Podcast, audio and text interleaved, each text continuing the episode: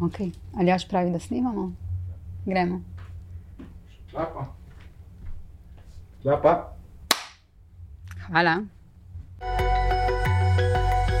En ena podcast s Suzano Lovec.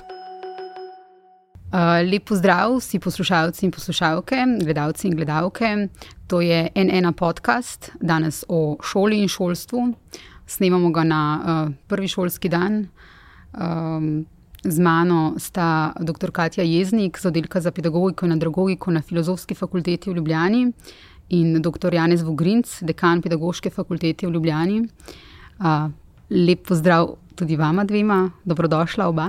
Hvala. Hvala. Uh, pogovarjali se bomo torej o nečem, kar je za izjemno veliko ljudi izjemnega pomena v Sloveniji, um, o šoli, šolstvu, o učencih, um, o nečem, kar nas spremlja praktično uh, vse življenje. Vsi smo bili kdaj uh, učenci in mnogi smo zdaj starši, ki imamo, imate uh, šolarje.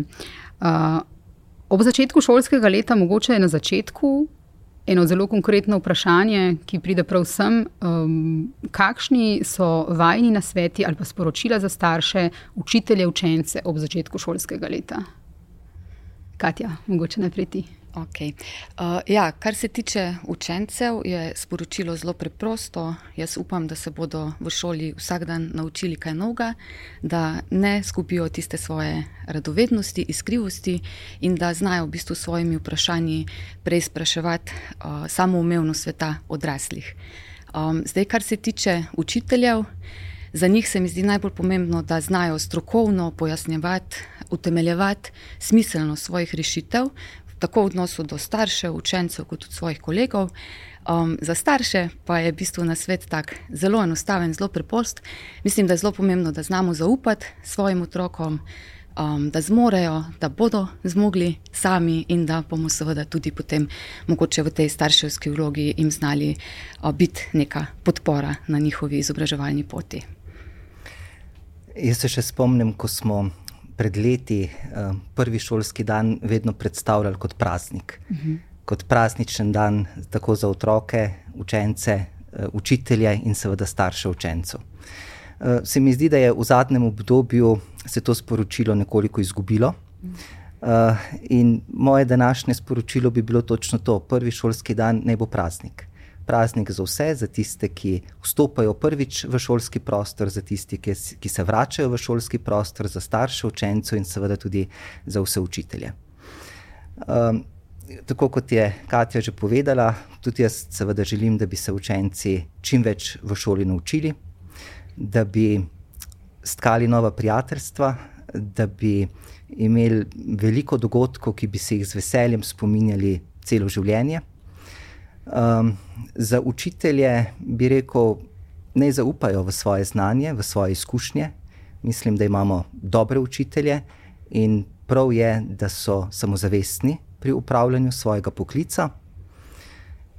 Staršem bi pa morda svetoval, poleg tega, kar je bilo že rečeno, tudi to, da ne, ne pozabijo, da so oni svoje šolanje že zaključili uh, in da se zdaj začne delo njihovih otrok. To seveda nikakor ne pomeni, uh, da se ne bi zanimali za šolsko delo svojih otrok, da jih ne bi spodbujali pri tem, uh, samo da ne, ne upravljajo obveznosti, ki jih imajo njihovi otroci na mesto njih. In tukaj ste že nekako nakazali, in prehajamo na ta. Um bolj vsebinski in problemski del uh, današnjega podcasta. Uh, Vidva sta oba strokovnjaka za to področje, zato me zanima, uh, kaj je v naši šoli, našem šolstvu dobrega, kaj bi vidva izpostavila, in na drugi strani, kaj je slabega, oziroma kaj je tisto, kar bi morali izboljšati. Um. Kar je dobrega, jaz bi tako zelo nasplošno rekel, da mislim, da je zelo pozitivno to, da je naš šolski sistem uh, ali pa naš šolski prostor, varen prostor. Mhm. Varen prostor pomeni pa zelo različne stvari. Po eni strani na srečo ne poslušamo uh, o takšnih oblikah nasilja, kot lahko spremljamo po naših televizijah, kaj se dogaja v Ameriki in v kakšni drugi državi. Ampak um, še bolj pomembno je to, da imamo v naših šolah um, ničelno stopnjo tolerance do nasilja, da če do kakršne koli oblike nasilja pride, je potrebno seveda takoj na to odreagirati. Um, varen prostor pomeni tudi to, da so učenci v naših šolah lahko sprejeti na takšen način, oziroma da so sprejeti ne glede na njihove posebnosti, na njihove značilnosti, kot jih imajo, um, da se o razlikah lahko v šoli pogovarjamo, uh, da so razlike tisto, kar pravzaprav učitelji uporabijo za to, da razložijo to raznolikost, ki je med nami, tudi učencem, da se razvija neka stopnja tolerance. Eh, da se lahko tudi odkrito pogovarjamo o naših različnih pogledih. Ne, jaz uh, mislim, da v večini šol imamo takšne situacije in mislim, da je to zelo velika prednost našega šolskega sistema. Imamo javno šolstvo, ki je kolikor toliko brezplačno, seveda tukaj imamo še vedno določene težave na tem področju in bi si tudi osebno želel, da bi bilo res brezplačno in da na ta način zagotovimo vsem učencem možnost, da je ravno šolski prostor tisti, ki jim pomaga na njihovem osebnostnem razvoju uh, in da je prostor, kjer lahko razvijajo vse svoje potencijale. Mhm.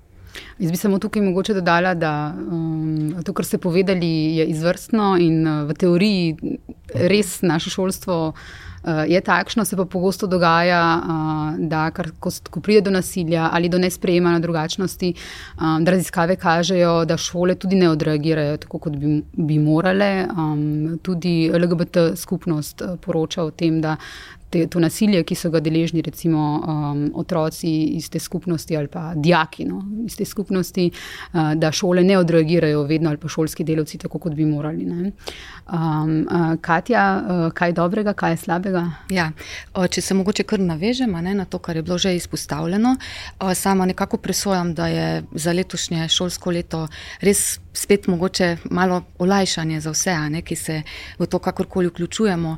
Um, super, da ga začenjamo relativno običajno, ne, se pravi, da nismo tako obremenjeni z epidemiološkimi ukrepi, z nekim strahom, ne, takoj potem, ko se bojo šole začele, se bojo mogoče spet tudi prostori ali pa učilnice zaprli. To se mi zdi, da je danes vendarle nekoliko odmaknjeno iz um, razprave. Super se mi zdi, ne, da se recimo neka politična razprava danes vrti okoli vprašanja, ki si ga tudi že naslovil, brezplačnega Brezplačne. javnega mhm. šolstva, ne, ki je bilo recimo zdaj v tej zadnji razpravi osredotočeno okoli brezplačnih kosil. Um, sicer pa ja, tudi sama nekako verjamem, ne, pa um, tudi recimo preko stika z študenti.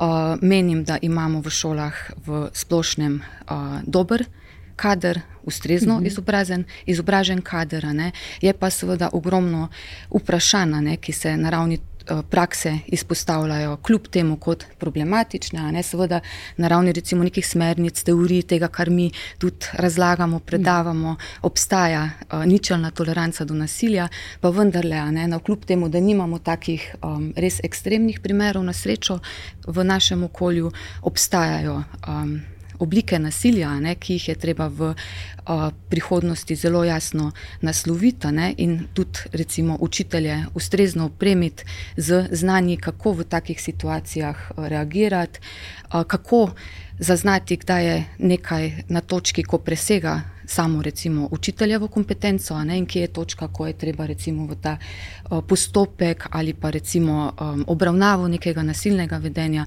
vključiti tudi ostale kadre, ki jih imamo na šoli. Ne, v tem smislu lahko za slovensko šolstvo povdarimo uh, to res dobro mrežo šolskih svetovalnih služb, ki so ponovadi na šolah ravno zaradi tega in to je mogoče tudi neka taka specifika ne, našega šolstva na šolah ne, um, in tam ustrezno um, izobraženi kadri v smislu tega, da vedo, kaj so recimo neki smiselni koraki, ki jih lahko naredijo, poleg tega, kar recimo učitelji že sami v razredu naredijo ne? in potem naprej ne? do zunanjih ustanov. Videli smo v zadnjih dneh uh, poročila o tem, da je v Sloveniji učiteljev premalo, tudi mi smo poročali o tem. Je to nekaj, kar je že zdaj težava in bo verjetno v prihodnosti še bolj? Zagotovo. Mhm. Uh, že nekaj let uh, se kaže pomankanje učiteljev, vse za določena predmetna področja, in pa seveda tudi šolskih svetovalnih delavcev, vse določenih profilov šolskih svetovalnih delavcev.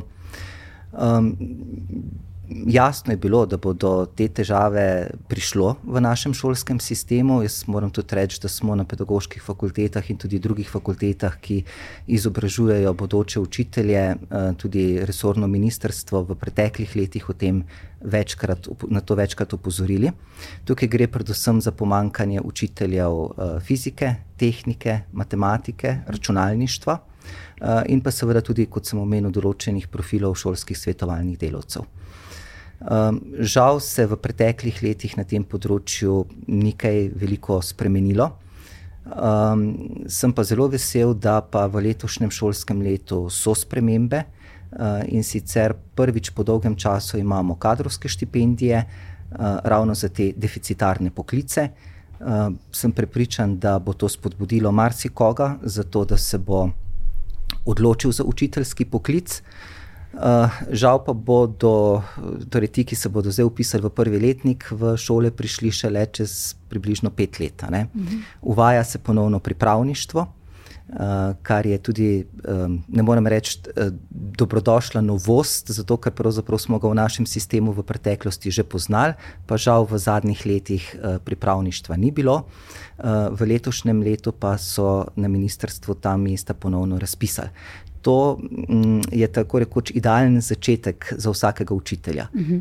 uh, učitelj začetnik vstopi v šolo, um, dobi mentorja, ki je izkušen učitelj, in celo šolsko leto nekako poteka njegovo uvajanje ne, ob pomoči tega mentorja. Uh -huh. uh, tako da določene uh, spremembe se dogajajo. Uh, bomo pa imeli kar nekaj let, še mislim, da zelo velike težave kot sem omenil, vse za določene predmetna področja. Uh, če gremo zdaj še malo na problematiko, na tisto, kar pa v našem šolstvu mogoče ni v redu. Um, govorili smo, govorimo, piše se o tako imenovani diktaturi petk, o hiperinflaciji, ocenjevanja, o tem um, boju za ocene, ko ocene uh, postajajo bolj pomembne od znanja in zaradi katerih uh, učenci doživljajo tudi hude psihične stiske, da se ti psihiatrični oddelki v bistvu napomnijo, vedno, ko, ko se um, bliža konec ocenjevalnega obdobja. Um, to niso samo neka pričevanja uh, staršev ali pa neki občutki uh, otrok, to, to kažejo tudi raziskave.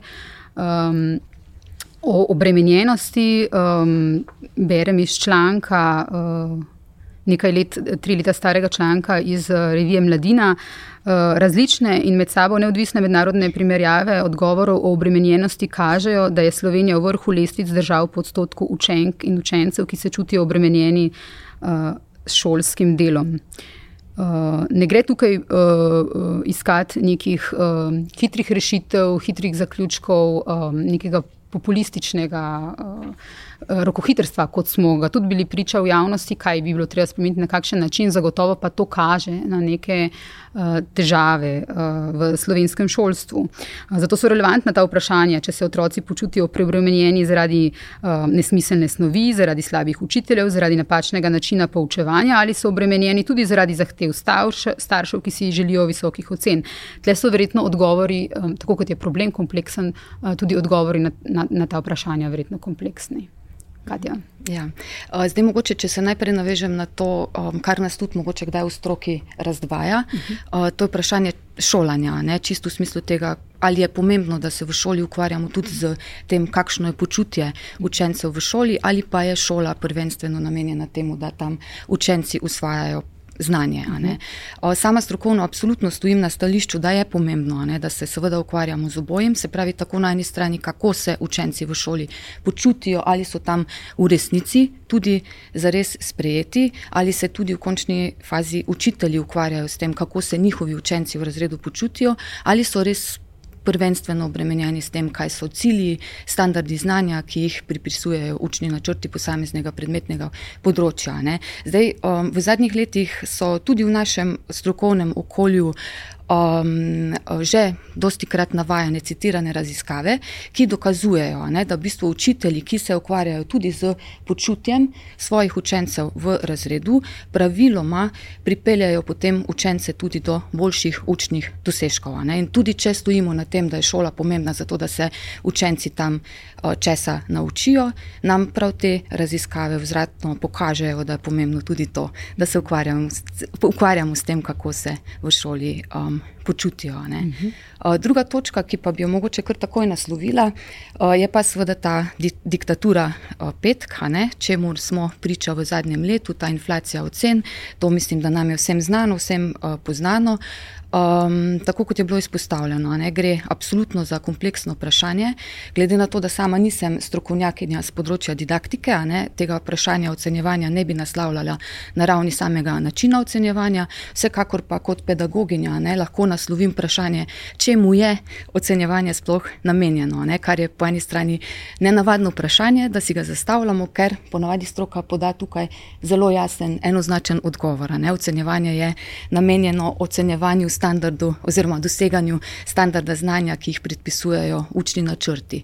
Po drugi strani pa spet, ne, če se naslovimo na prakso, vemo, da je v ne vem, še 20-30 let nazaj o, ocenjevanje dosti krat učiteljem pomenilo tudi sredstvo discipliniranja mhm. učencev in recimo, ne, da smo z strokovnimi priporočili, ukrepi, um, predvsem recimo napovedanega um, spraševanja, to funkcijo ocenjevanja, ne, ki jo lahko razumemo tudi na ravni nekega prikritega kurikula dogajanja v šolstvu, vendarle presegli, a ne pa smo v zadnjih letih priča nekemu novemu, prav tako strašljivemu trendu, a ne ko postaja pa ocenjevanje v bistvu sredstvo zbiranja točk, s pomočjo katerega potem pridejo uh, učenci uh, v željeno srednjošolsko izobraževanje.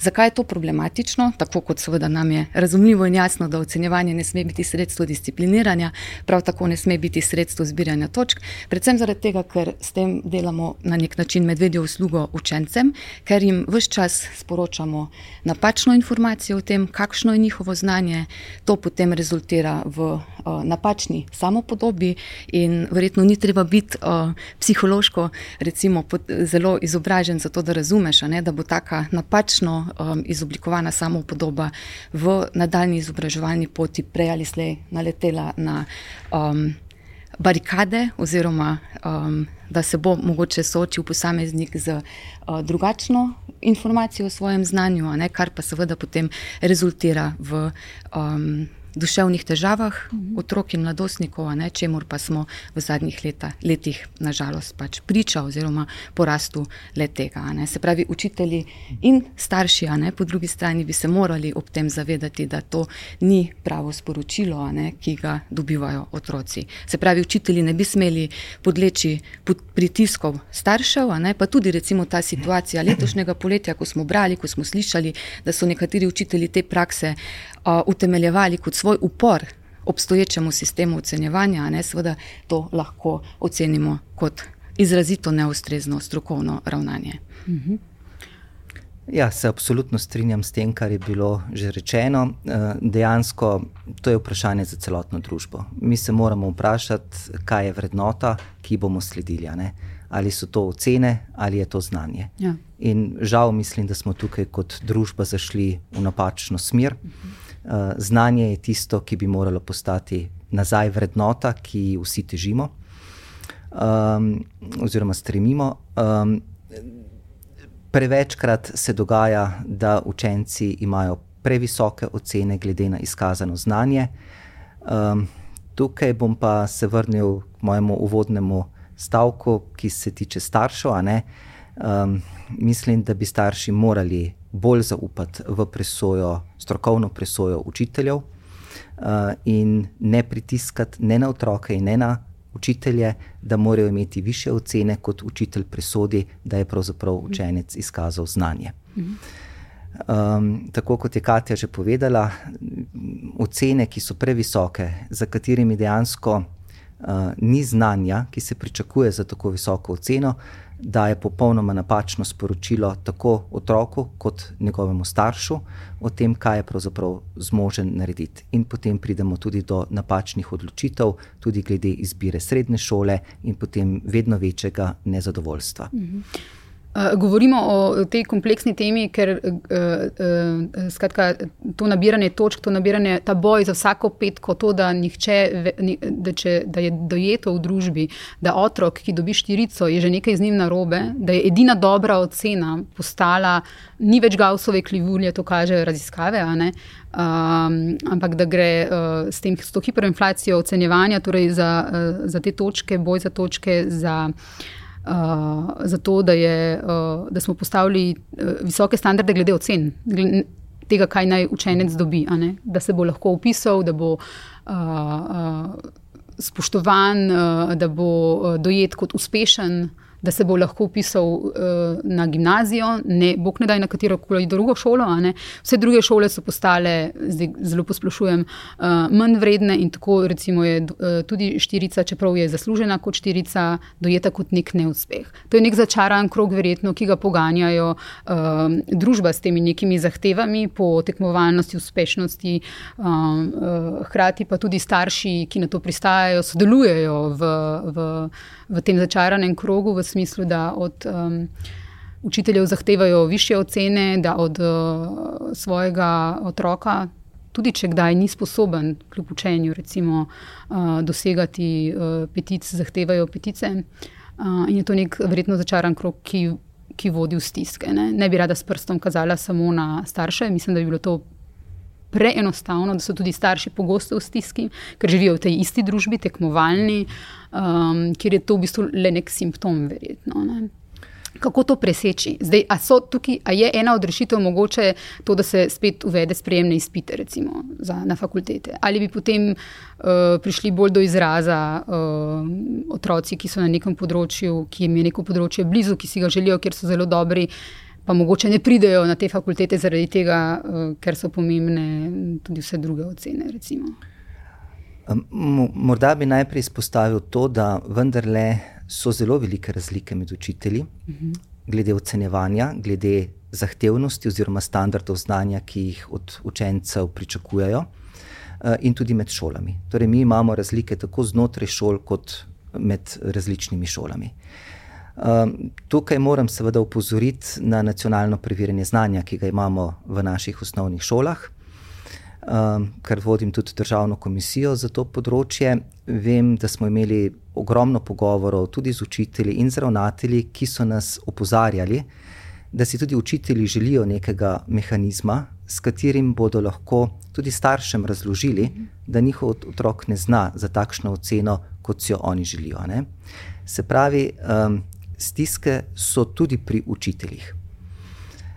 Zdaj, kako to zadevo preseči? Mislim, da je to dejansko, kot sem prej rekel, zelo kompleksno vprašanje um, za celotno družbo. Veste, sed sama tekmovalnost v resnici ni problem. Uh mhm. -huh. V bistvu tudi v uh, samih ocenah jaz ne vidim takšne težave. Uh, če je za temi ocenami znanje in če je ob tekmovalnosti tudi sodelovanje, tudi solidarnost, tudi empatija med učenci. Ne? Dejansko moramo razvijati vse te vrednote. Uh, samo paziti moramo na to, da pa niso zgolj ocene tisto, kar šteje. Uh, ocena je zunanja motivacija in nič ni z njo narobe. Sej, najprej uh, se mora učenec začeti neko vsebino učiti, zato da morda potem ugotovi, da ga pa to res zanima. In če se najprej začne učiti zaradi ocene, prav se je začel zato, ker si želi imeti visokih ocen. Ne? Vendar, ko se nekaj naučiš, lahko ugotoviš, bi, o tem bi pa želel vedeti še več. In se začneš učiti zaradi tega, ker te ta vsebina pritegne. In seveda na ta način, bom rekel, ta zunanja motivacija postaja tudi notranja motivacija. Ne? Dejansko uh, se ne moremo slepiti, da bomo vedno imeli željo po visokih ocenah, tudi željo po uspešnosti, tako pri učencih, kot pri njihovih starših. Samo treba je znati nekako te stvari povezati v neko logično celoto. Ne?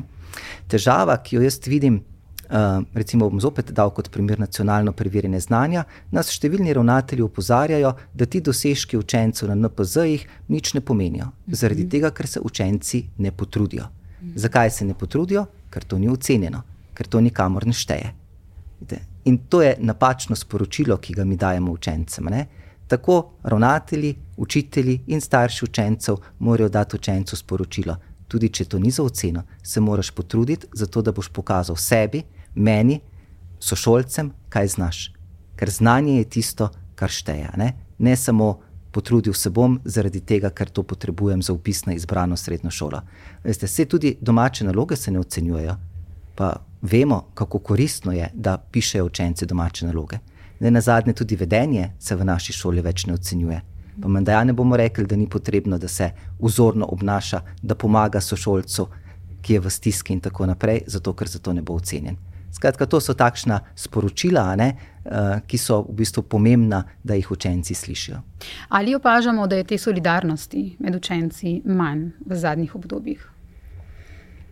Ja, um, zdaj mogoče tukaj uh, iz glave sama ne bi priklicala takoj neke raziskave, ne, ki bi uh, empirično preverjala, kako je z solidarnostjo med učenci. Drugo je pa tisto, pač čist spet iz terena, anegdotsko, ne, kar nam povedo učitelji, kar lahko sami vidimo. Um, zdaj, tudi v luči tega, kar je prineslo obdobje šolanja nadaljavo v, časi, v času um, epidemije, um, mogoče vendarle nakazuje, ne, da neka mera solidarnosti v našem šolstvu obstaja. Um, mogoče se lahko tu navežem na način, ne, kako so. Um, učitelji in učenci uh, delili, in nekateri še zdaj ne, delijo um, vse, kar nastaja tekom učnega procesa med sabo, ne, je nedvomno lahko nek vidik um, solidarnosti. Ne. Govorim o nekem pozitivnem vidiku um, obdobja šolanja nadaljavo, ne, ki um, rezultira recimo v nekih uh, spletnih učilnicah, ne, ki jih učitelji in učenci uporabljajo predvsem v višjih razredih osnovne šole, nedvomno pa v srednješolskem izobraževanju in seveda na fakulteti. Um, mislim, da je veliko bolj um, samoumevno, ne, da danes postajajo gradiva, ki jih pripravljamo učitelji, uh, tudi pogosto. Eh, javno dostopna, na voljo vsakemu učencu, ne, pa tudi recimo na fakulteti študentu, ne, ki želi do tega gradiva priti, pa tudi ne usporedno te, um, uh, ti načini izmenjave gradiv, vprašanj, uh, tudi če želite uh, obveščanje o tem, ne, kaj so recimo v razredu počeli učenci prejšnjega dne, da ni več treba vem, klicati sošolca za to, da ne vem, ti posodi zvezke, da si boš pripisal snov. Sama poznam take res dobre prakse tega, ko učitelj, učiteljica, razredničarka skrbi in bdi na tem, da učenci vedo, kateri, kateri je tistega dne, naprimer, dežurn učenec, ne, da um, da gradivo, ki so ga obravnavali tistega dne, se pravi svoje zapiske, um, v e-učilnico in tako brez težav do tega dostopajo tudi ostali. Ne. Ampak to je samo en primer, ne, neke take zanimive, ja, zanimive prakse, ne, ki um, verjetno, če vsega tega obdobja šolanja nadaljavo ne bi poznali, ne bi imeli sploh. Ne bi um, obstajala. Ne. Eh, je pa to šolanje nadaljavo, oziroma obdobje epidemije, o čemer sem tudi želela malo govoriti, uh, pokazalo tudi neke stvari, iz, iz katerih bi morali neke uh, zaključke potegniti kot družba. Ne. Pokazalo je, um, napisali smo lani tudi en članek takem obdobju, kot, kot smo zdaj, uh, kaj smo se naučili uh, v času epidemije o naši šoli in kaj bi morali spremeniti. In spomnim se, uh, ena od glavnih ugotovitev je to, da pač se je država oziroma ministrstvo prepozno odzivalo, pozno odzivalo. Um, da se je premalo upoštevalo, upoštevalo pedagoško stroko, Ampak tisto, kar je recimo meni um, najhujše, do, vemo, bile so stiske otrok, že zaradi tega, ker so bili doma to, ča, toliko časa. Um, ampak tisto, kar je najbolj zaskrbljujoče, mogoče, je to, da so najslabše v tem času šolanja od doma jo odnesli, seveda tisti, ki jo že itak odnesejo najslabše, to so najranljivejši. Uh, torej tisti, ki imajo. Um, manj izobražene starše, ki imajo težave v družini, takšne ali drugačne, ki so iz nižjih slojev, eh, tisti, ki so že tako ranljivi, je v bistvu ta odsotnost iz šole uh, najbolj prizadela. Uh, in to je nek simptom, verjetno, ko se nam kaže uh, v čas tudi v našem šolstvu. Uh, nažalost, ugotavljamo, raziskave kažejo, da. Uh, naša šola, tudi ko ni, ne gre za epidemijo, um, kar precej reproducira neenakost. Ne? Da imajo otroci uh, izob visoko izobraženih veliko večjo verjetnost, uh, da bodo šli uh, na. Uh, Boljše fakultete, da se bodo sploh upisali na fakulteto, uh, in, uh, in obratno, uh, otroci iz deprivilegiranih družin, revnih družin, um, manjša verjetnost. Uh, pred časom smo, uh, ko sem še delala na Pop TV, naredili 24-ur inšpektor uh, o šolstvu in tam recimo se je pokazalo. Mama kuharica, oče hišnik, hčerka bo najverjetneje zaključila poklicno maturo, po drugi strani imamo zdravnica, oče profesor, splošna gim, uh, matura na gimnaziji, najverjetneje. Um, Dr. Gašpet Sankar je takrat z državnega izpitnega centra nam rekel, ne, Tina Kristan je bila takrat eh, novinarka, on je rekel, imamo mi to politiko enakih možnosti, podatki pa kažejo na to, da ne glede na to, um, da se lahko v Sloveniji vsakdo upiše v gimnazijski program, vsakdo nadaljuje na uh, želeni smeri študija, se očitno to ne zgodi. Kako zmanjšati to reprodukcijo neenakosti v družbi, da se iz družbe prenaša, uh, v bistvu, da, da, da jo šola uh, še. Sodeluje v njej. Skratka, v Sloveniji so tudi namreč plače nadpovprečno vezane na stopnjo izobrazbe in tle se to kolesje zavrti naprej. Torej, vsak otrok, ne glede na to, v kateri družini se je rodil, bil v idealnem svetu, mora imeti posebno enake možnosti um, za napredovanje, za svoj uh, razvoj. Um, Kot drugi otroci, uh, pa očitno tukaj neko težavo v Sloveniji uh, imamo. Kako, kako to preseči? Um, vse to, kar ste zdaj opisali, uh, absolutno drži. Um, mi smo tudi izvajali evalvacijsko študijo, nacionalno evalvacijsko študijo o vplivu COVID-a. Uh -huh. uh, in moram reči, da iz intervjujev z učitelji uh, izhaja točno to, kar ste povedali. Torej, tisti učenci, ki so uh, že sicer bili pri pouku uspešnejši, uh, so imeli razvite delovne navade, pomoč staršev. Tisti so se tudi v času epidemije, ko je potekalo šolanje nadaljavo, precej dobro znašli. Eh, in tam nekih velikih manjkov, vse kar se znanja tiče, ni bilo opaziti. Težava je bila druga skupina učencev, torej tisti učenci, ki so že tudi sicer pri pouku imeli učne težave, in pa, tako kot ste rekli, torej tisti, ki doma nimajo niti pogojev, uh, niti možnosti, da jih starši so pri pouku nadaljavo podpirali. Uh, dejstvo je, da socialno-kulturni kapital je tisti, ki tudi pomembno določa uspešnost učencev v šoli. Uh, se pravi, s tem zajamemo tako branje literature, število knjig, ki jih imajo doma, um, obiskovanje gledališč in različnih drugih kulturnih prireditev. Uh, naš šolski sistem je naravnan na tem, da pravzaprav um, je to neko izhodišče. Ne? Zdaj, uh, vsega tega imajo seveda več tisti učenci, ki prihajajo iz družin, ki imajo višji socialno-kulturni standard. Uh, težava, ki jo jaz vidim, je v tem, da v našem šolskem sistemu imamo tudi veliko uh, obšolskih dejavnosti, uh, ki ravno tako um, obiskujejo kulturne prireditve in druge dogodke. Ampak seveda, zopet bodo več od teh dogodkov odnesli tisti, ki imajo že dobro osnovo, ki te stvari poznajo od doma. Ne? Premalo se pa sistem uh, osredotoča na tiste, ki pa te osnove od doma nimajo. Če pogledamo dopolnilni pouk, ne? dopolnilni pouk je pri nas vezan na vsebino posameznih učnih predmetov.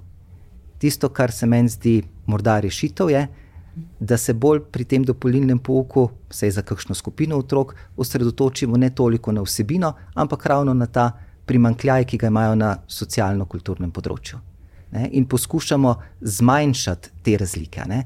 Razlike bodo vedno obstajale, pomembno pa je, da učitelji in šola, in tudi šolski sistem, zaznajo te razlike in začnemo nekaj na tem delati. Ne. Moram pa tako reči, um, meni je javna šola omogočila to, da sem iz delovske družine prišel do doktorata znanosti. In jaz se zahvaljujem za to vsem mojim učiteljicam in učiteljem, ki so mi to omogočili. In, in uh, verjetno ravno uh, vsi ti primeri, ko se, um, ko se to zgodi, ko so taki pozitivni primeri, kažejo tudi na to, kako pomembno je, kdo so bili učitelji in kako zelo odvisen je napredek nekega otroka, to ali bojo njegovi potencijali, uh, tudi če se nekje skrivajo, um, prišli do izraza. Ali bo on lahko v bistvu se samo uresničil, da tako rečem, kako zelo je to odvisno uh, od tega, kdo so bili uh, njegovi učitelji. Kaj se strinjaš? Ja, seveda, tukaj je ne mogoče ne potrditi ne, izrečenega. Uh, sama bi vendarle to um, razmišljanje ne, um, nadaljevala še v smeri tega, kar pa nam na čisto sistemski ravni uh, ponuja naš šolski sistem. Uh -huh. um, zdaj, tisto, kar je potrebno mogoče še nekoliko ukrepiti, eh, prav v luči tega, da se ne bodo več tako zelo reproducirale razlike ne, med učenci, glede na to, iz kakšnega okolja izhajajo, um, kar je. Zaznana uh, realnost zadnjih let, uh, recimo razširjen program, ne, se pravi po domače podaljšano bivanje, uh mhm. -huh. do katerega so v Sloveniji upravičeni učenci do, petega, do vključno petega razreda, uh, kjer pozabljamo včasih, ne, da z njimi delajo visoko izobraženi kadri, ne, se pravi učitelji, ki so enako izobraženi kot pa učitelji, ki v dopoldanskem času uh, delajo in poučujejo naše učence. Tako da sama res menim, da um, z um, premišljenim, okrepljenim, razširjenim programom, z uh, res raznoliko ponudbo tudi recimo uh, interesnih dejavnosti, tudi interesnih dejavnosti, ki jih ponujajo zunani izvajalci v času razširjenega programa v šoli lahko naslovimo tudi uh, kakšno od razlik, ki nastajajo med učenci, glede na recimo družinsko okolje, iz katerega izhajajo. Če poskušam povedati čim bolj enostavno, če ima učenec možnost, ne, da obiskuje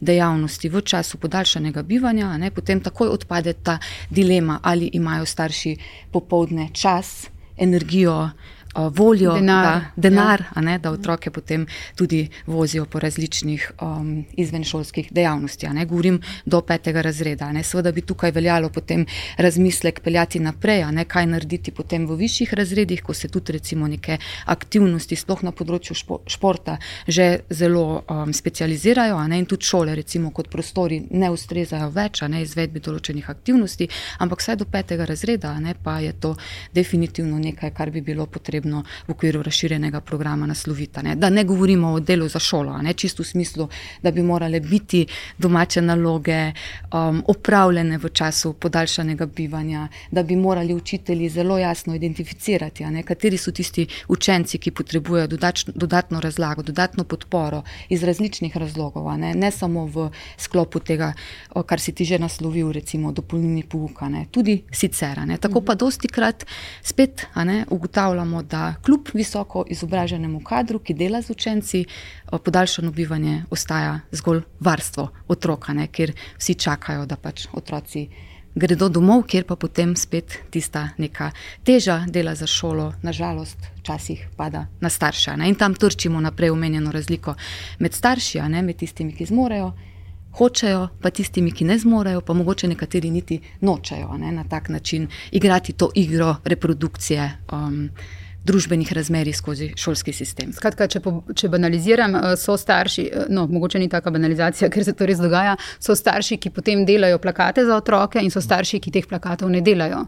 Uh, verjetno v šoli vejo, kateri plakat je naredil otrok sam in kateri, ki je pomagal nek izobražen starš. Kako se temu izogniti? Se pravim, vse skupaj je kompleksen problem širših družbenih razsežnosti. Tukaj se kažejo te razlike in tukaj pridejo do izraza. Uh, kako preseči to, da starši delajo še enkrat osnovno šolo? Mhm. Ja, ja. Tukaj definitivno umanka premisleka ne, učiteljev v prvi vrsti, kaj je tisto, kar mi res recimo, želimo, ne, da um, starši skupaj počnejo doma za šolo z otrokom. Tukaj bi definitivno naslovila prvo opismenjevanje v prvi triadi, prvi, drugi razred. Um, realnost je res taka, da nekateri učenci ali pa mm, marsikateri učenec se branja ne nauči mimo grede samo recimo v šoli in potem je kar pričakovanje od tega, da se vsak dan bere deset minut z učencem, praviloma eh, šole dajo te bralne hišice, ne, kjer se potem starši podpisujemo, ne, da, so, da smo brali za učenci in tako naprej.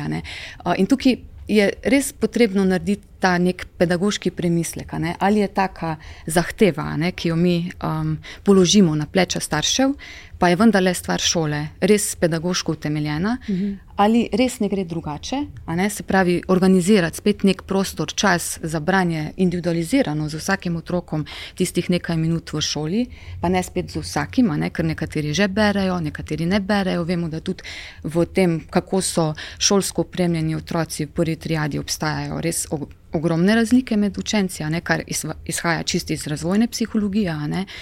Um, in na drugi strani, ne, kdaj pa potem učitelji kar pričakujejo, ne, da uh, starši v luči tega nekega partnerskega sodelovanja z šolo delajo z učenci tudi še popovdne. Se pravi, res ta premislek, kaj od tega, kar je samoumevno, pa nekako tudi prav, pa se pričakuje, je smiselno nalagati, kaj pa je tisto, kar pa mogoče vodi potem v to zanko tega, da starši preprosto pač nekoč ne znajo več drugače, kot pa sej, ne, če se je bilo treba v prvem razredu zelo intenzivno ukvarjati kje pa je potem tisti čas, tista meja, ne, ko pa znamo izpreči ne, in reči, zdaj pa ne, ne, ne zmoremo, mislim, ne, ne rabimo več. Uh mhm. -huh. Doktor Vurinc, kje je zdaj ta zdra, zdrava meja, da so starši upeti, da se zanimajo za šolo, pokažejo zanimanje za šolo, da so tudi učenec, njihov otrok ve. Da spremljajo, jih zanima, da je pomembno to, da se on tam stvari nauči, uh, hkrati pa, da to ne presega neke meje um, tako nezdravega odnosa uh, starša z šolo. Moje osebno mnenje je, da starši se absolutno morajo zanimati za šolo, uh mhm. -huh. za to, kaj njihov otrok počne, vendar pri zanimanju in pri spodbudah se odgovornost staršev zaključi. Vse ostalo, kar pa mora učenec oziroma njihov otrok narediti za šolo, je pa pravzaprav dolžnost otroka. In jaz se absolutno zauzemam za to, da je čim manj zadolžitev učencev takih, da bi morali starši aktivno sodelovati pri realizaciji teh aktivnosti. Uh, upam in si želim, da učitelji naredijo zelo dober premislek o tem, kaj lahko učenec naredi sam, in da so te zadolžitve izključno takšne, da jih lahko otroci naredijo sami nikakor uh, ne želim reči, da se starši ne bi zanimali za to, kaj njihov otrok počne, da ga ne bi vprašali, da se ne bi o tem pogovarjali. Vendar ta ločnica pa mora biti jasna. Ne? Tako kot sem uvodoma povedal, starši so šolo zaključili. Zdaj je šolanje odgovornost njihovih otrok. Um, sodelovanje z učitelji, seveda, med starši mora obstajati, ampak v smislu, da učitelji informirajo starše o pomembnih zadevah, ki jih pomembne informacije posredujejo o njihovem otroku, in hkrati, seveda, tudi obratno, da so učitelji seznanjeni strani staršev o vseh tistih zadevah, ki so pomembne za šolsko delo otroka. Kaj več, pa pravzaprav um, jaz mislim, da presega ta zdravi odnos. In ko ima otrok učne težave, ko se pojavi neka težava v šoli, je to naloga šole, oziroma učitelja, da ta težavo prepozna in da to znanje otrok v šoli dobi, kje, dokje tukaj je v bistvu vloga staršev. E, odvisno, kdo prej opazi. Ne? Tudi starši lahko marsikaj doma opazijo, e, in tudi učitelj v šoli lahko opazi. Se pravi, to, da, da identificiramo takega otroka, je pravzaprav odgovornost vseh ki delajo z otrokom. Mislim, da določene stvari lahko starši morda doma preopazijo kot učitelji, določene stvari bodo pa preopazili učitelji. Tisto, kar je bistveno, je, da pri, pride do pretoka informacij uh -huh. in da se skupaj dogovorijo, kako takemu otroku pomagati. Uh -huh. In to, kar je Katja prej že lepo izpostavila. Uh, naš šolski sistem je dober sistem, tudi zaradi tega, ker imamo veliko različnih aktivnosti in cel sistem je naravnan na to, da lahko takim otrokom pomagamo. Veste, presenečen sem, ko slišim, kako mladi učenci imajo inštrukcije, zunanje inštrukcije. Ne? in jim pomagajo tako rekoč že od prvega razreda naprej. Zakaj do tega prihaja? Zakaj do tega prihaja? Zaradi tega, ker starši očitno bolj zaupajo nekim zunanim strokovnjakom, kot da bi zaupali temu, kar jim šola omogoča. Ne? Mi pa imamo dopolnilni pouk v šoli, imamo seveda podaljšano bivanje oziroma razširjeni program osnovne šole, imamo individualno oziroma skupinsko učno pomoč, ki jo lahko učenci dobijo. Ogromno je možnosti samo zaupati treba tudi v ta sistem. Ne. Seveda so tudi izjeme, tako kot ste me prej opozorili, ne, prihaja vedno do nekih izjem, ampak nasplošno gledano, mislim, da je sistem dober in da imamo veliko možnosti, da vsakemu posamezniku v tem sistemu pomagamo. Da torej v primeru, ko ima učenec uh, težave z učenjem, težave z znanjem, da se starši in učenec obrnejo na uh, učitelja in da od šole zahtevajo, da da mu v bistvu pomagajo. Ne? Tako je, da se skupaj pogovorijo. Torej, absolutno je potrebno vključiti šolsko svetovalno službo, kot je bilo že prej omenjeno, to je tako rekoč specifika našega šolskega sistema. Druge imajo šolske svetovalne delavce izven šola, ne? pri nas delujejo znotraj šol. Je pa seveda res tudi vprašanje obremenitev šolskih svetovalnih delavcev, o tem tudi zelo veliko slišimo v zadnjem obdobju kritik, ne? Eh, koliko imajo sploh časa, da se še ukvarjajo s posameznimi učenci učenci. Uh, tako da, absolutno pomoč najprej znotraj šole, se pogovoriti, poskusiti najti nek način, kako otroku pomagati. Potem pa tudi na sistemskem nivoju, seveda, urediti pogoje čim bolj v smer, da bodo se res lahko ukvarjali vsi s tistimi, zaradi katerih so v šoli. To, da se, tudi kar pogosto slišimo, torej, da se uh, starši ure in ure učijo vsak dan s svojim uh, šolarjem, potem, ko pridejo domov iz službe, to torej ni način, oziroma ne bi smel biti. Ne bi smel biti način, absolutno ne. Torej, pomoč vsekakor, zanimanje vsekakor, da pa starši upravljajo naloge na mestu učencev. Veste, potem pa se moramo vprašati, zakaj zaradi dobrih ocen, ne zaradi znanja. Ker če bo starš naredil neko nalogo na mesto otroka, otrok od tega ne bo imel nič. Morda bo imel stisko, ko bo moral to nalogo ali pa ta izdelek predstaviti v šoli in ga niti ne bo znal predstaviti, ker to ne bo rezultat njegovega dela. Ne? In s tem dobi sporočilo, visoka ocena, je to, kar znanja pa ni. Um, narašča v uh, slovenskem šolstvu tudi uh, število otrok, ki imajo odločbe uh, torej to so te odločbe o posebnem statusu oziroma posebnih potrebah. Uh, tudi tukaj je situacija kompleksna, ni enostavnih odgovorov. Uh, del tega je gotovo to, da imamo boljšo prepoznavo, da uh, v sodobnem svetu bolj prepoznamo otroke z nekimi primankljaji, jih identificiramo in uh, lahko potem z njimi uh, bolje delamo. Verjetno so pa vzroki tudi drugi. Verjetno tudi način učenja, šolanja in vse to, kar smo do zdaj govorili naredili. Mhm, vsekakor. Ja. Tudi tukaj na tem področju je statistika zelo jasna. Ne? Mislim, da danes govorimo o približno osmih odstotkih učencev ne, s posebnimi potrebami, ki so upisani v uh, običajno osnovno šolsko okolje. Ne, te posebne potrebe se potem razdelijo v različne skupine. Uh, vsekakor ne, pomoč, ki jo trenutno dobijo otroci, je nek način, ne, kako uh, izboljšati njihovo možnost uspeha znotraj javnega sistema vzgoje in izobraževanja. Um, zakaj? Eh, prihaja do tega nedvomno tudi tukaj, ko gledamo samo statistiko, ne, koliko odstotkov učencev ima odločbo o posebnih potrebah. Um, lahko vidimo trend naraščanja ne, proti koncu devetega uh, razreda, ne, je teh odločb. Odloč, mislim, da na zadnje, ko sem gledala to statistiko, kar nekje okrog 11 odstotkov, ne, in seveda ne, si je treba zastaviti vprašanje, zakaj ta trend naraščanja števila učencev, ki potrebujejo ob koncu šole, osnovne šole odločbo in dodatno recimo, pomoč, ki jim skozi ta mehanizem pripada kot pravica. Ne.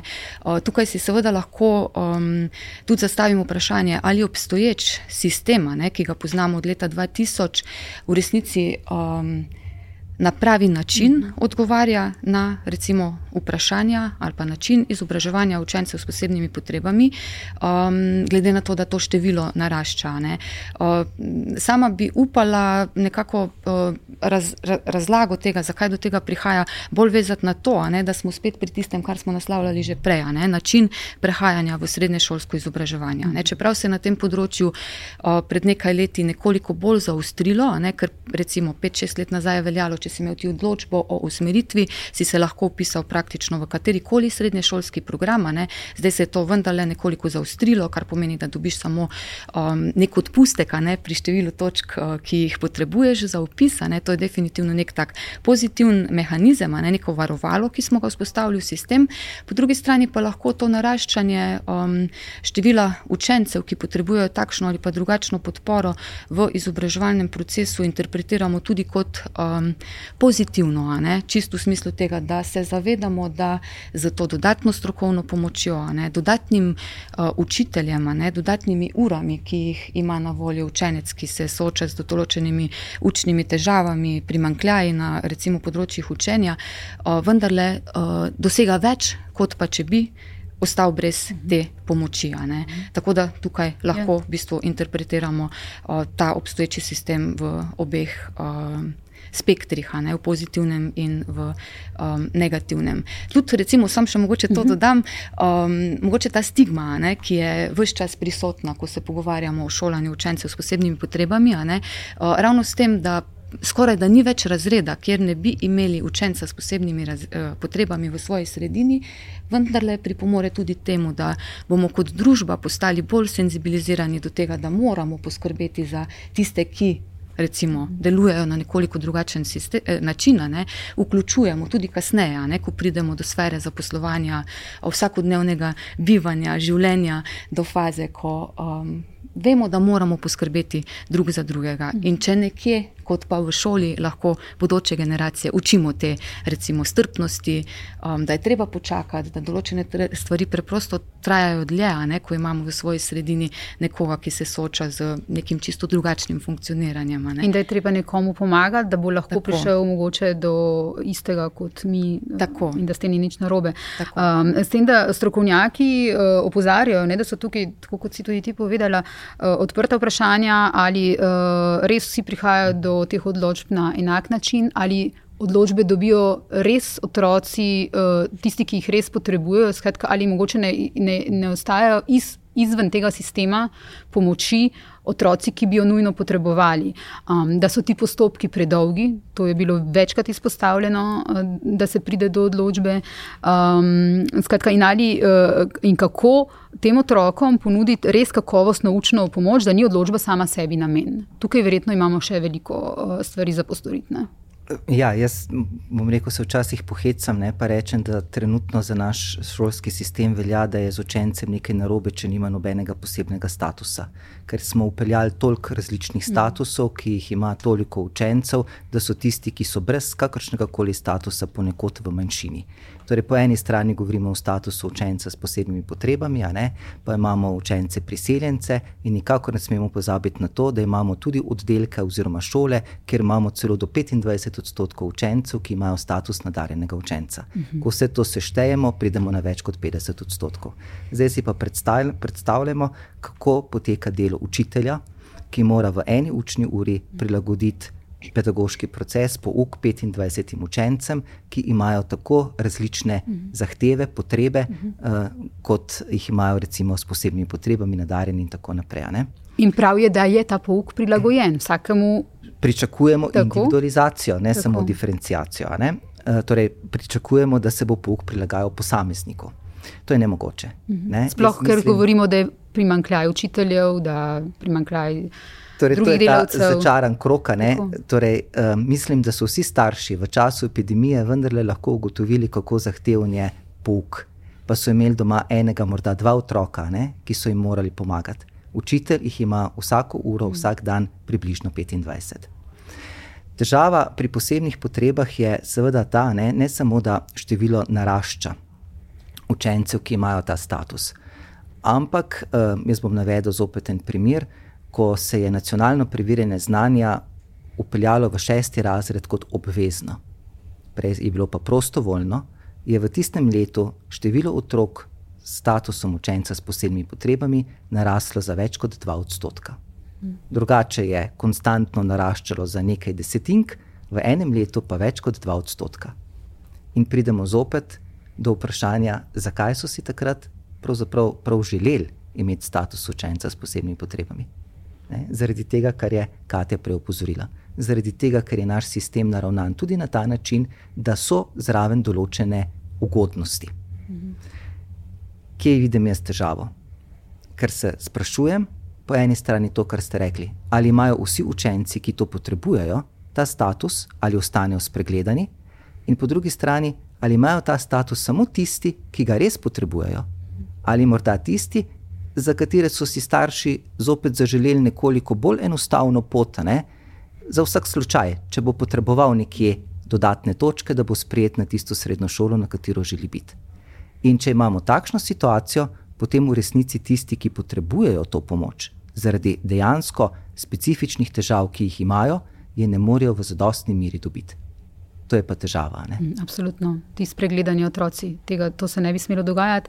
Uh, Pričemer uh, vemo, da celo obstajajo starši, ki blokirajo, uh, ki ne želijo, da njihov, po drugi strani, tako kot si nekateri želijo. In izsilijo ali pa izsiljujejo, po drugi strani obstajajo starši, ki kljub temu, da bi ta status pomagal njihovemu otroku, da bi lahko dobil več pomoči, kakovostno pomoč, eh, ne želijo, ker se bojijo te stigme, o kateri si ti Katja govorila. Ne? Kar je pa tudi problem. Absolutno. Mhm. Zdaj, to je pač vprašanje, kdo sprejema strokovne odločitve, ki so najboljše za posameznega otroka. Ne? Sej, ko pridemo k zdravniku. Dobro, danes že tudi marsikdo podvomi v odločitev, ne? ampak vse v preteklosti smo pa sprejeli odločitev in diagnozo in napotke, ki jih je dal zdravnik. Na šolskem področju imamo pa žal vsi občutek, da se na to spoznamo, če drugega ne, enkrat smo bili sami šolari.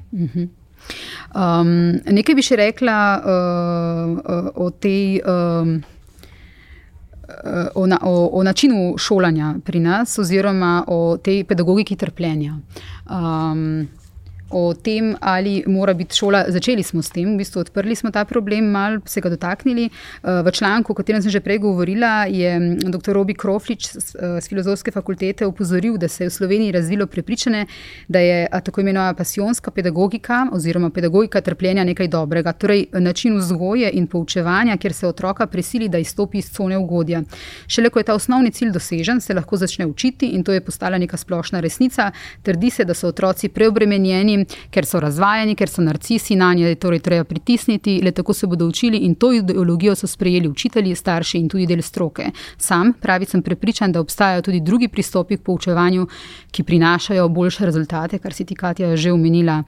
Um, Skratka, ta pedagogika trpljenja, daleč od tega, da bi želela reči, uh, da mora biti eh, šola nekaj, samo nekaj ugodnega, da se morajo otroci vse čas samo uživati v tem, da se učijo. Nasprotno, verjetno je vsak intelektualni napor je napor in mora biti napor. In, um, uh, ampak od, od tega, da je napor, kar mora biti napor, če se hočemo nekaj naučiti pa do tega, da imamo hude psihične stiske otrok, so svetlobna leta. Kako tukaj najti ravnovesje, ker to ravnovesje smo očitno kot družba izgubili. Ja, tukaj uh, spet, recimo, če to izjavo tudi profesor Krofliča ne, poskušamo navezati na nek širši kontekst, ne, v katerem vzgoja in izobraževanje poteka, ne, uh, smo v zadnjih uh, letih priča tako imenovani porasti otrokocentričnosti, ne, ker um, kot družba dajemo v središče dobrobit uh, otroka, ne, ki pa seveda uh, po eni strani prinaša neke pozitivne vidike, ne, predvsem v smislu tega, da se prej sprašujemo, ne, katere so recimo znotraj formalnega šolskega sistema. Um, Prakse, ki pa mogoče niso najbolj ustrezne prakse za današnji čas, um, zato kako kot družba ne, vrednotimo tudi obdobje otroštva, ne, tudi to, da danes otroštvo vrednotimo kot neko tako privilegirano obdobje življenja, ne, kjer naj bi poleg tega, da pripravljamo otroke ne, na svet odraslih, vendarle imeli otroci možnost, da se igrajo, da čim bolj skozi neke spontane aktivnosti od, odkrivajo svoje potencijale, ne, pa jih tudi razvijajo. Um, to je recimo nekaj, kar pred stotimi leti, seveda, ni obstajalo, se je na otroke gledalo bistveno drugače. Um, in na drugi strani ta um, pritisk, da pa vendarle. Um, Glede na tradicijo, kako izobraževanje poteka zadnjih 200 let, ne, preprosto ne moremo čisto prenesti te recimo, ideje otroštva kot v nekem privilegiranem obdobju v sistem vzgoje in izobraževanja, ki pa poteka na um, enak način praktično zadnjih 200 let. Um, učilnice so um, uh, takšne, kot so, a ne že po sami arhitekturni zasnovi. Uh, učitelj, tako kot je bilo že izpostavljeno prej, ima pred sabo 22, 25 učencev ne, in res tukaj naslavljati individualno vsakega otroka, ne, v luči te otrokocentrične ideje, ne, da nam pomeni vsak otrok in da ima vsak otrok nek svoj lasten potencial, seveda ni v skladu s tem. Um, tako da, ja, vsekakor je treba iskati tudi načine, kako ta rigiden šolski sistem, ne, ki ga poznamo, ki ga tradicionalno peljemo v uh, našem, pa seveda ne samo v slovenskem, ampak tudi v širšem družbenem okolju, uh, počasi, počasi mogoče tudi mehčati v luči tega, da uh, mogoče pa ta um, premislek o tem, kaj je tisto, kar otroci res morajo že ob določeni starosti um, znati ali pa narediti, na kak način ne, jih tudi opremiti za to, da so soočeni z ocenjevanjem znanja v tej klasični obliki pisnih preverjanj, uh, pisnega ocenjevanja. Ne. Ali je treba s tem začeti že v prvem razredu, že januarja, zato da se bodo pripravili. Takrat, ko bo šlo za res, recimo v tretjem razredu, malo provokativno izražam te svoje misli, ali pa jim lahko, recimo v prvem razredu, še puščamo nekaj te um, svobode, igrivosti, ne, ko um, zato da nekoč bo, bodo laže. To je ta logika, ki jo pogosto slišimo v zadju učitelje, učiteljev tudi, ne, in njihovih razmislekov, da jih že mi pripravimo za to, ne, tako kot starši potem govorimo. Katastrofa je, če imaš v petem razredu štirico, ker se boš navadil, in potem v sedmem razredu, ko bo pa pomembno, da jih nimaš več, ne, tebi to ne bo pomenilo več to, kar ti mora pomeniti. To smo vsi upeti v te iste vzorce. Se pravi, na eni strani učitelji, ki želijo pripraviti otroke na nekaj, kar jih čaka nekoč. Ne, na drugi strani pa seveda tudi starši. In vmes otroci. Tako, otroci pa ja, ta ideja, ne, da jim delamo, da delamo v luči največje koristi za otroka, ne, pa je tako neka taka floskula, ne, ko potem, ko vprašamo otroke, oziroma ponovadi otroke, pozabljamo karkoli sploh vprašati v zvezi s tem, ne, um, izveni v prazno. Ali imamo v Sloveniji težave tudi s tem? Um, kaj in na kakšen način se uči. Ali je ta zahtevnost, ali pa ta, eh, to, o čemer uh, smo prej govorili, ta preobremenjenost, se, uh, o kateri poročajo oziroma jo zaznavajo. Uh, učenci in ki je, kot smo rekli, večplasten problem, med drugim tudi to, kar, o čemer še nismo govorili, uh, ta hiperinflacija vožen uh, mm. pač bogatega srednjega razreda ali pa višjega srednjega razreda otrok, ne, da, da je čisto vsak popovdne zapolnjen, potem ko pridejo iz šole še z nekimi aktivnostmi popovdne, ki morajo biti tudi do potankosti strukturirane, izobraževanje, dodatno izobraževanje iz vsakega otroka narediti projekt, čim večji projekt. Uh, Um, in tudi to verjetno otroke izčrpava, ali pa od njih, da pričakujemo, da pri desetih letih so v nekem športu, ne, trenirajo petkrat na teden. Um, da se vrnem nazaj na moje vprašanje, tukaj sem malo že šla, se upravičujem. Skratka, ali imamo težave, uh, ko govorimo o tej preobremenjenosti, ki jo zaznavajo učenci, daleč od tega, da hočem reči, da se, ne, da se ne, da, da, da, seveda se morajo učiti, seveda morajo osvojiti znanje, znanje je tista vrednota, ki jo poudarjamo, ampak ali ima slovensko šolstvo problem tudi v tem, uh, uh, kaj se uči in kako se uči. Um, ja, jaz mislim, da ja. Uh -huh. uh, mislim, da smo mi vsi navajeni še vedno na neke predalčke. Ne? Uh, tudi naš kurikul je tako zasnovan, danes imaš prvo uro ta predmet, drugo uro ta predmet. Ne? In eh, kje vidim težavo? Težavo vidim predvsem, da ni tega transfera znanja med posameznimi predmetnimi področji, eh, pa ne na zadnje tudi med različnimi razredji hitro se zgodi, da tisto, kar si se učil v petem razredu, načni na robe, če v sedmem razredu več ne znaš. Mhm. Tako, tako bomo pa v prvem letniku srednje šole začeli od začetka, pa na fakulteti tudi od začetka. Ne? Torej, to povezovanje, ta interdisciplinarnost, to je tisto, kar se meni zdi, da nekoliko umanka v našem sistemu. Uh, pa bom zopet uh, se navezal na znanje kot vrednoto. Um, veste, uh, marsikdo pri slovenščini zelo pazi na pravopis in točno zna postaviti vejco in bo besedo pravilno zapisal. Ko bo preizkus znanja iz matematike, bo naslovnična pravila pozabil. zaradi tega, ker se takrat osredotoči na matematično znanje. In to je težava. Ne? Eh, če želiš pokazati, da nekaj znaš, boš tudi pri drugih predmetih spoštoval pravopis in slovnična pravila. Ne? Torej, jaz se strinjam s tem, da ne more učitelj matematike kar zniževati ocen zaradi slovničnih napak. Je pa naša dolžnost, da vsi upozorimo na pomen znanja slovenščine. Ne? In tudi raziskave recimo kažejo, da je ravno pismenost tista, ki pomembno določa uspešnost tudi pri vseh ostalih predmetih. In tega se premalo zavedamo, ker smo pač preveč popredalčkani. To je način poučevanja, ki smo ga bili mi vsi deležni. Moram reči, da tudi mi na fakultetah imamo še vedno ne, posamezne predmete in so recimo redki predmeti, ki so interdisciplinarno zasnovani. Um, tudi vsak predmet zahteva vem, svojo seminarsko nalogo, že tam imamo težave, da bi se več predmetov združilo, uh, lahko v eno zahtevo pri seminarski nalogi, in tako naprej. In to se nam vleče v našem sistemu. Mislim, da je to nekaj, uh, kar bo potrebno spremeniti, um, je pa to zahtevno. Mhm. Katja, če eh, spet malo banalno vprašam, če to prevedem na neki jezik staršev, eh, ali imamo torej v slovenski šoli preveč tega faktografskega znanja oziroma učenja na pamet, drilanja, ki je potem pozabljeno naslednji mesec, eh, in ali v, so nekateri učbeniki zasnovani tako papirnato, da otrokom preprosto niso več niti zanimivi, da ne prepoznajo v tem v bistvu znanja, ampak zgolj neke podatke so uparne. Mm -hmm. Ja, se upravičujem. Um, vsekakor gre za zelo, zelo kompleksno vprašanje. Aha, rabim malo. Kar, kar.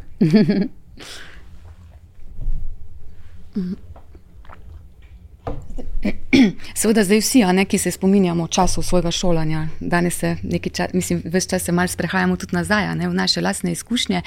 Um, vemo, ne, da je mogoče bilo tega nekega učenja, ne, tudi recimo v smislu, koliko pesmice je bilo treba naučiti, mogoče celo več, ne, kot pa jih uh, danes uh, postavljamo pred učence kot izziv, kaj je treba usvojiti. Po drugi strani pa spet ne, sama um, zahtevnost reprodukcije znanja, ki je povezana z uh, ocenjevanjem znanja, bi pa sama upala trditi, da pa je bistveno večja. Ne, že sam način, kako se je ocenjevalo nas način, kako se danes uh, ocenjuje učence, ne, je bistveno drugačen.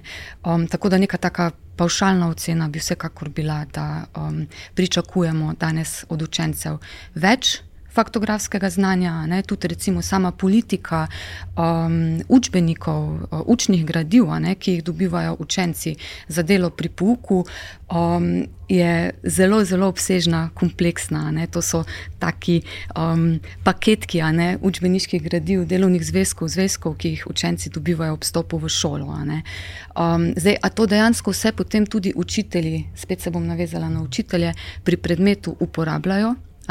In spet, krati, če naredimo nek pedagoški premislek, ali je smiselno, da recimo učence v prvem razredu ali pa prvi triadi opremimo z brezplačnimi delovnimi zvezki, pa hkrati ugotavljamo po drugi strani, da gre za generacije, ki so izrazito manj pismene, kot pa so bile recimo generacije predtem, pa vemo, da upisovanje nekih besed v delovne zvezke pomeni zgolj izolirano upisovanje določene besede. Na prej um, spostavljen stavek. A ne? a ne bi bilo bolj smiselno, tudi tukaj, v luči tega širšega pedagoškega razmisleka. Um, Uh, ravnati v smeri, da vsaj tisto prvo triado, ne, prvo obdobje, ko otroci vstopajo v šolo, uh, usmeriti v to, da um, je Čim več še. zapisovanja v zvezke, da um, gradiva nastajajo v bistvu skupaj z učenci v šoli ne, in potem v bistvu vsta um, pritiska ne, brezplačnih uh, učbenikov, ne, pa tudi zdaj do določene mere delovnih zvezkov, ne, premisliti na nek drug način. Po drugi strani imamo pa učence v tretji triadi, ne, ki pa dobivajo za vsak predmet iz šolskega sklada brezplačni učbenik, ki pa nažalost žalost pri kar katerem predmetu ostaja preprosto celotno šolsko leto skladiščen nekje na domačih um, policah, ne, ga učenci praktično pri pouku samem ne potrebujejo. Uh, učitelji naročijo staršem, da kupijo delovne zvezke, ki se zdijo bistveno bolj recimo, didaktično prijetno, uh, gradivo za delo z učenci, ne, pa vendarle gre v zadju za recimo neka finančna sredstva, ne, ki bi jih bilo smiselno um, premisliti in uporabiti v luči nekega sodobnega šolstva, mogoče na nekoliko drugačen način. Ne. Skratka, ja, ta občutek, ne, da je faktografskega znanja ogromno, a, lahko dobimo že samo z tem, ko pogledamo, kaj jutri ali pa danes nesejo učenci v šolo. Um, če potegnemo torej črto pod današnji pogovor, pod um, prvi dan šole, uh, kaj bi, bi bila pa vajni, vajni sporočili uh, državi, um, našemu šolskemu sistemu oziroma temu, kar bi bilo treba spremeniti v luči, kako znotraj tega torej šolskega sistema doseči, um, da bi bila šola čim bolj optimalna, naša šola čim bolj optimalna, kaj konkretno izboljšati. Če mogoče imate za zaključek uh, vsak eno misel ali pa eno poanto ali pa več poant, da bi bila torej šola potem res za otroke um, bolj optimalna, kot je in hkrati za celotno družbo. Ja, ena misel je glede tega, kar uh, jo je težko podati, ker je teh misli veliko. Morda bi rekel samo tako. Uh, treba je imeti v mislih celoten šolski sistem, ki se začne pri predšolski vzgoji, osnovne šole, srednje šole in seveda tudi v tem primeru, bom rekel, samo univerzitetno izobraževanje prihodnih pedagoških delavcev. In da ne bomo pozabili, uh, zaključi se seveda tudi s položajem pedagoških delavcev v celotnem sistemu in pa v naši družbi. Na to ne smemo pozabiti, ko mislimo sistem. Uh, če se tako jaz ozrem nazaj, um, se mi zdi, da je zelo veliko pobud bilo v zadnjih, kaj sem rekel, 20 letih, kar jaz spremljam ta sistem, po določenih spremembah. Mi imamo zelo veliko poskusov, ki so potekali, seveda je bila ideja, kako se bodo te stvari upeljale potem v naš sistem, če dam kot primer, recimo uvajanje tujega jezika, mislim, da smo prvič ta poskus začeli izvajati leta 2011. Takrat je bilo že ogromno šol vključenih tako v učenje oziroma poučevanje prvega tujega jezika, pa potem drugega tujega jezika. In ko smo vsi pričakovali, da bo to upeljano na nivo celotne države, se je poskus zaključil in sistemskih zakonodajnih sprememb ni bilo. Nekaj let je bilo mrtvilo na tem področju, potem se je začel izvajati nov poskus na manjšem vzorcu šol, kot je prejšnji potekal. Ampak, ko se je drug poskus zaključil, sistemskih sprememb ni bilo. In zdaj izvajamo tretji poskus, ki se bo v letošnjem letu zaključil. In če ne bo sistemskih zakonodajnih sprememb pravočasno, potem bo verjetno zopet nekaj let mrtvila in bomo začeli, upam, da ne s četrtim poskusom. Uh mhm. -huh. Veste, to je v bistvu težava. Ne? Se pravi, treba je imeti um, v mislih celoten sistem, vedeti, kaj je namen posameznih poskusov, jih potrebujemo, zato da preverimo na manjšem vzorcu, kako učinkovita bo ta sprememba, potem pa vendarle tudi politično voljo in tudi moč. Zato, da se te stvari spremenijo. In kaj je tudi za vse to, kar smo danes govorili, kje so še potrebne spremembe, tudi če v osnovi rečemo, da je sistem dober ali da ima neke pozitivne točke, našteli smo pa kar nekaj slabosti. Uh -huh tudi za vse to je potrebno, da bi to spremenili na boljše, um, torej uh, politična volja. Uh -huh, uh -huh. Ja, lahko se navežem na to, s čimer sem začela. Ne? Se pravi, na nek način razprava ob stopu letošnjega šolskega leta na politični ravni zveni nekako v luči te brezplačne, um, brezplačnih kosila, ne? pa zdaj ponovim tudi um, malica. Um, zdaj, uh, po eni strani se zdi uh, to, ta odmika, ne? da mogoče zdaj ta to šolsko leto še ni pravi čas, ne, da naslovimo to vprašanje, da je uh, sama izvedba brezplačnih kosil povezana z ogromno nekimi organizacijskimi vprašanji. Ne, se mi zdi um, na nek način samo izgovor za to, da pa hkrati ne naslovimo ne, vprašanje obstoječega sistema. Se pravi, mogoče pa vendarle zdaj obstoječi sistem ne potrebuje tako radikalnih sprememb, ne, ki pripeljajo seveda do tega, kar si vsi želimo, ne, brezplačnega javnega šolstva v pravem pomenu besede, ampak z nekimi manjšimi korektivi, ne, spremembami sistema v smislu tega, da si zares postavimo vprašanje ali pa recimo trenutno cenzus postavljen na pravo mesto v smislu tega, kateri starši so um, tisti, ki ne rabijo plačevati šolskih obrokov, ali se da recimo ta razmislek o tem, kaj se še plačuje v šoli, pa bi se dalo to organizirati drugače, tudi v luči te pozitivne diskriminacije. Se pravi, da tisti, ki um, imajo več, plačujejo več, tisti, ki imajo manj, plačujejo manj. Ne? ne samo pri hrani, ampak tudi pri uh, dejavnostih, ki mhm. potekajo v šoli.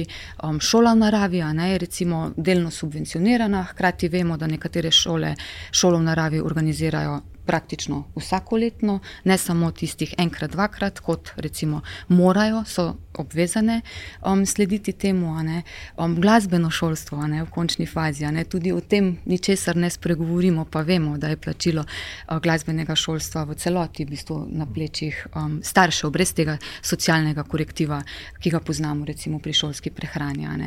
Um, tako da to je nedvomno recimo nek vidik, ne, ki ga je smiselno v prihodnje še dodatno mhm. um, naslavljati. Okay. Najlepša hvala obema, da sta bila gosta, da smo odprli nekaj tem, nekaj perečih tem, uh, mogoče odgovorili staršem, tudi učiteljem. Uh, upam, da je tudi država slišala. Um, hvala še enkrat obema. Hvala za povabilo. Hvala. Uh, hvala tudi vam, dragi gledalci uh, in gledalke, poslušalci in poslušalke. To je bil še en, en ena. Podcast, in vidimo in slišimo se spet zelo kmalo.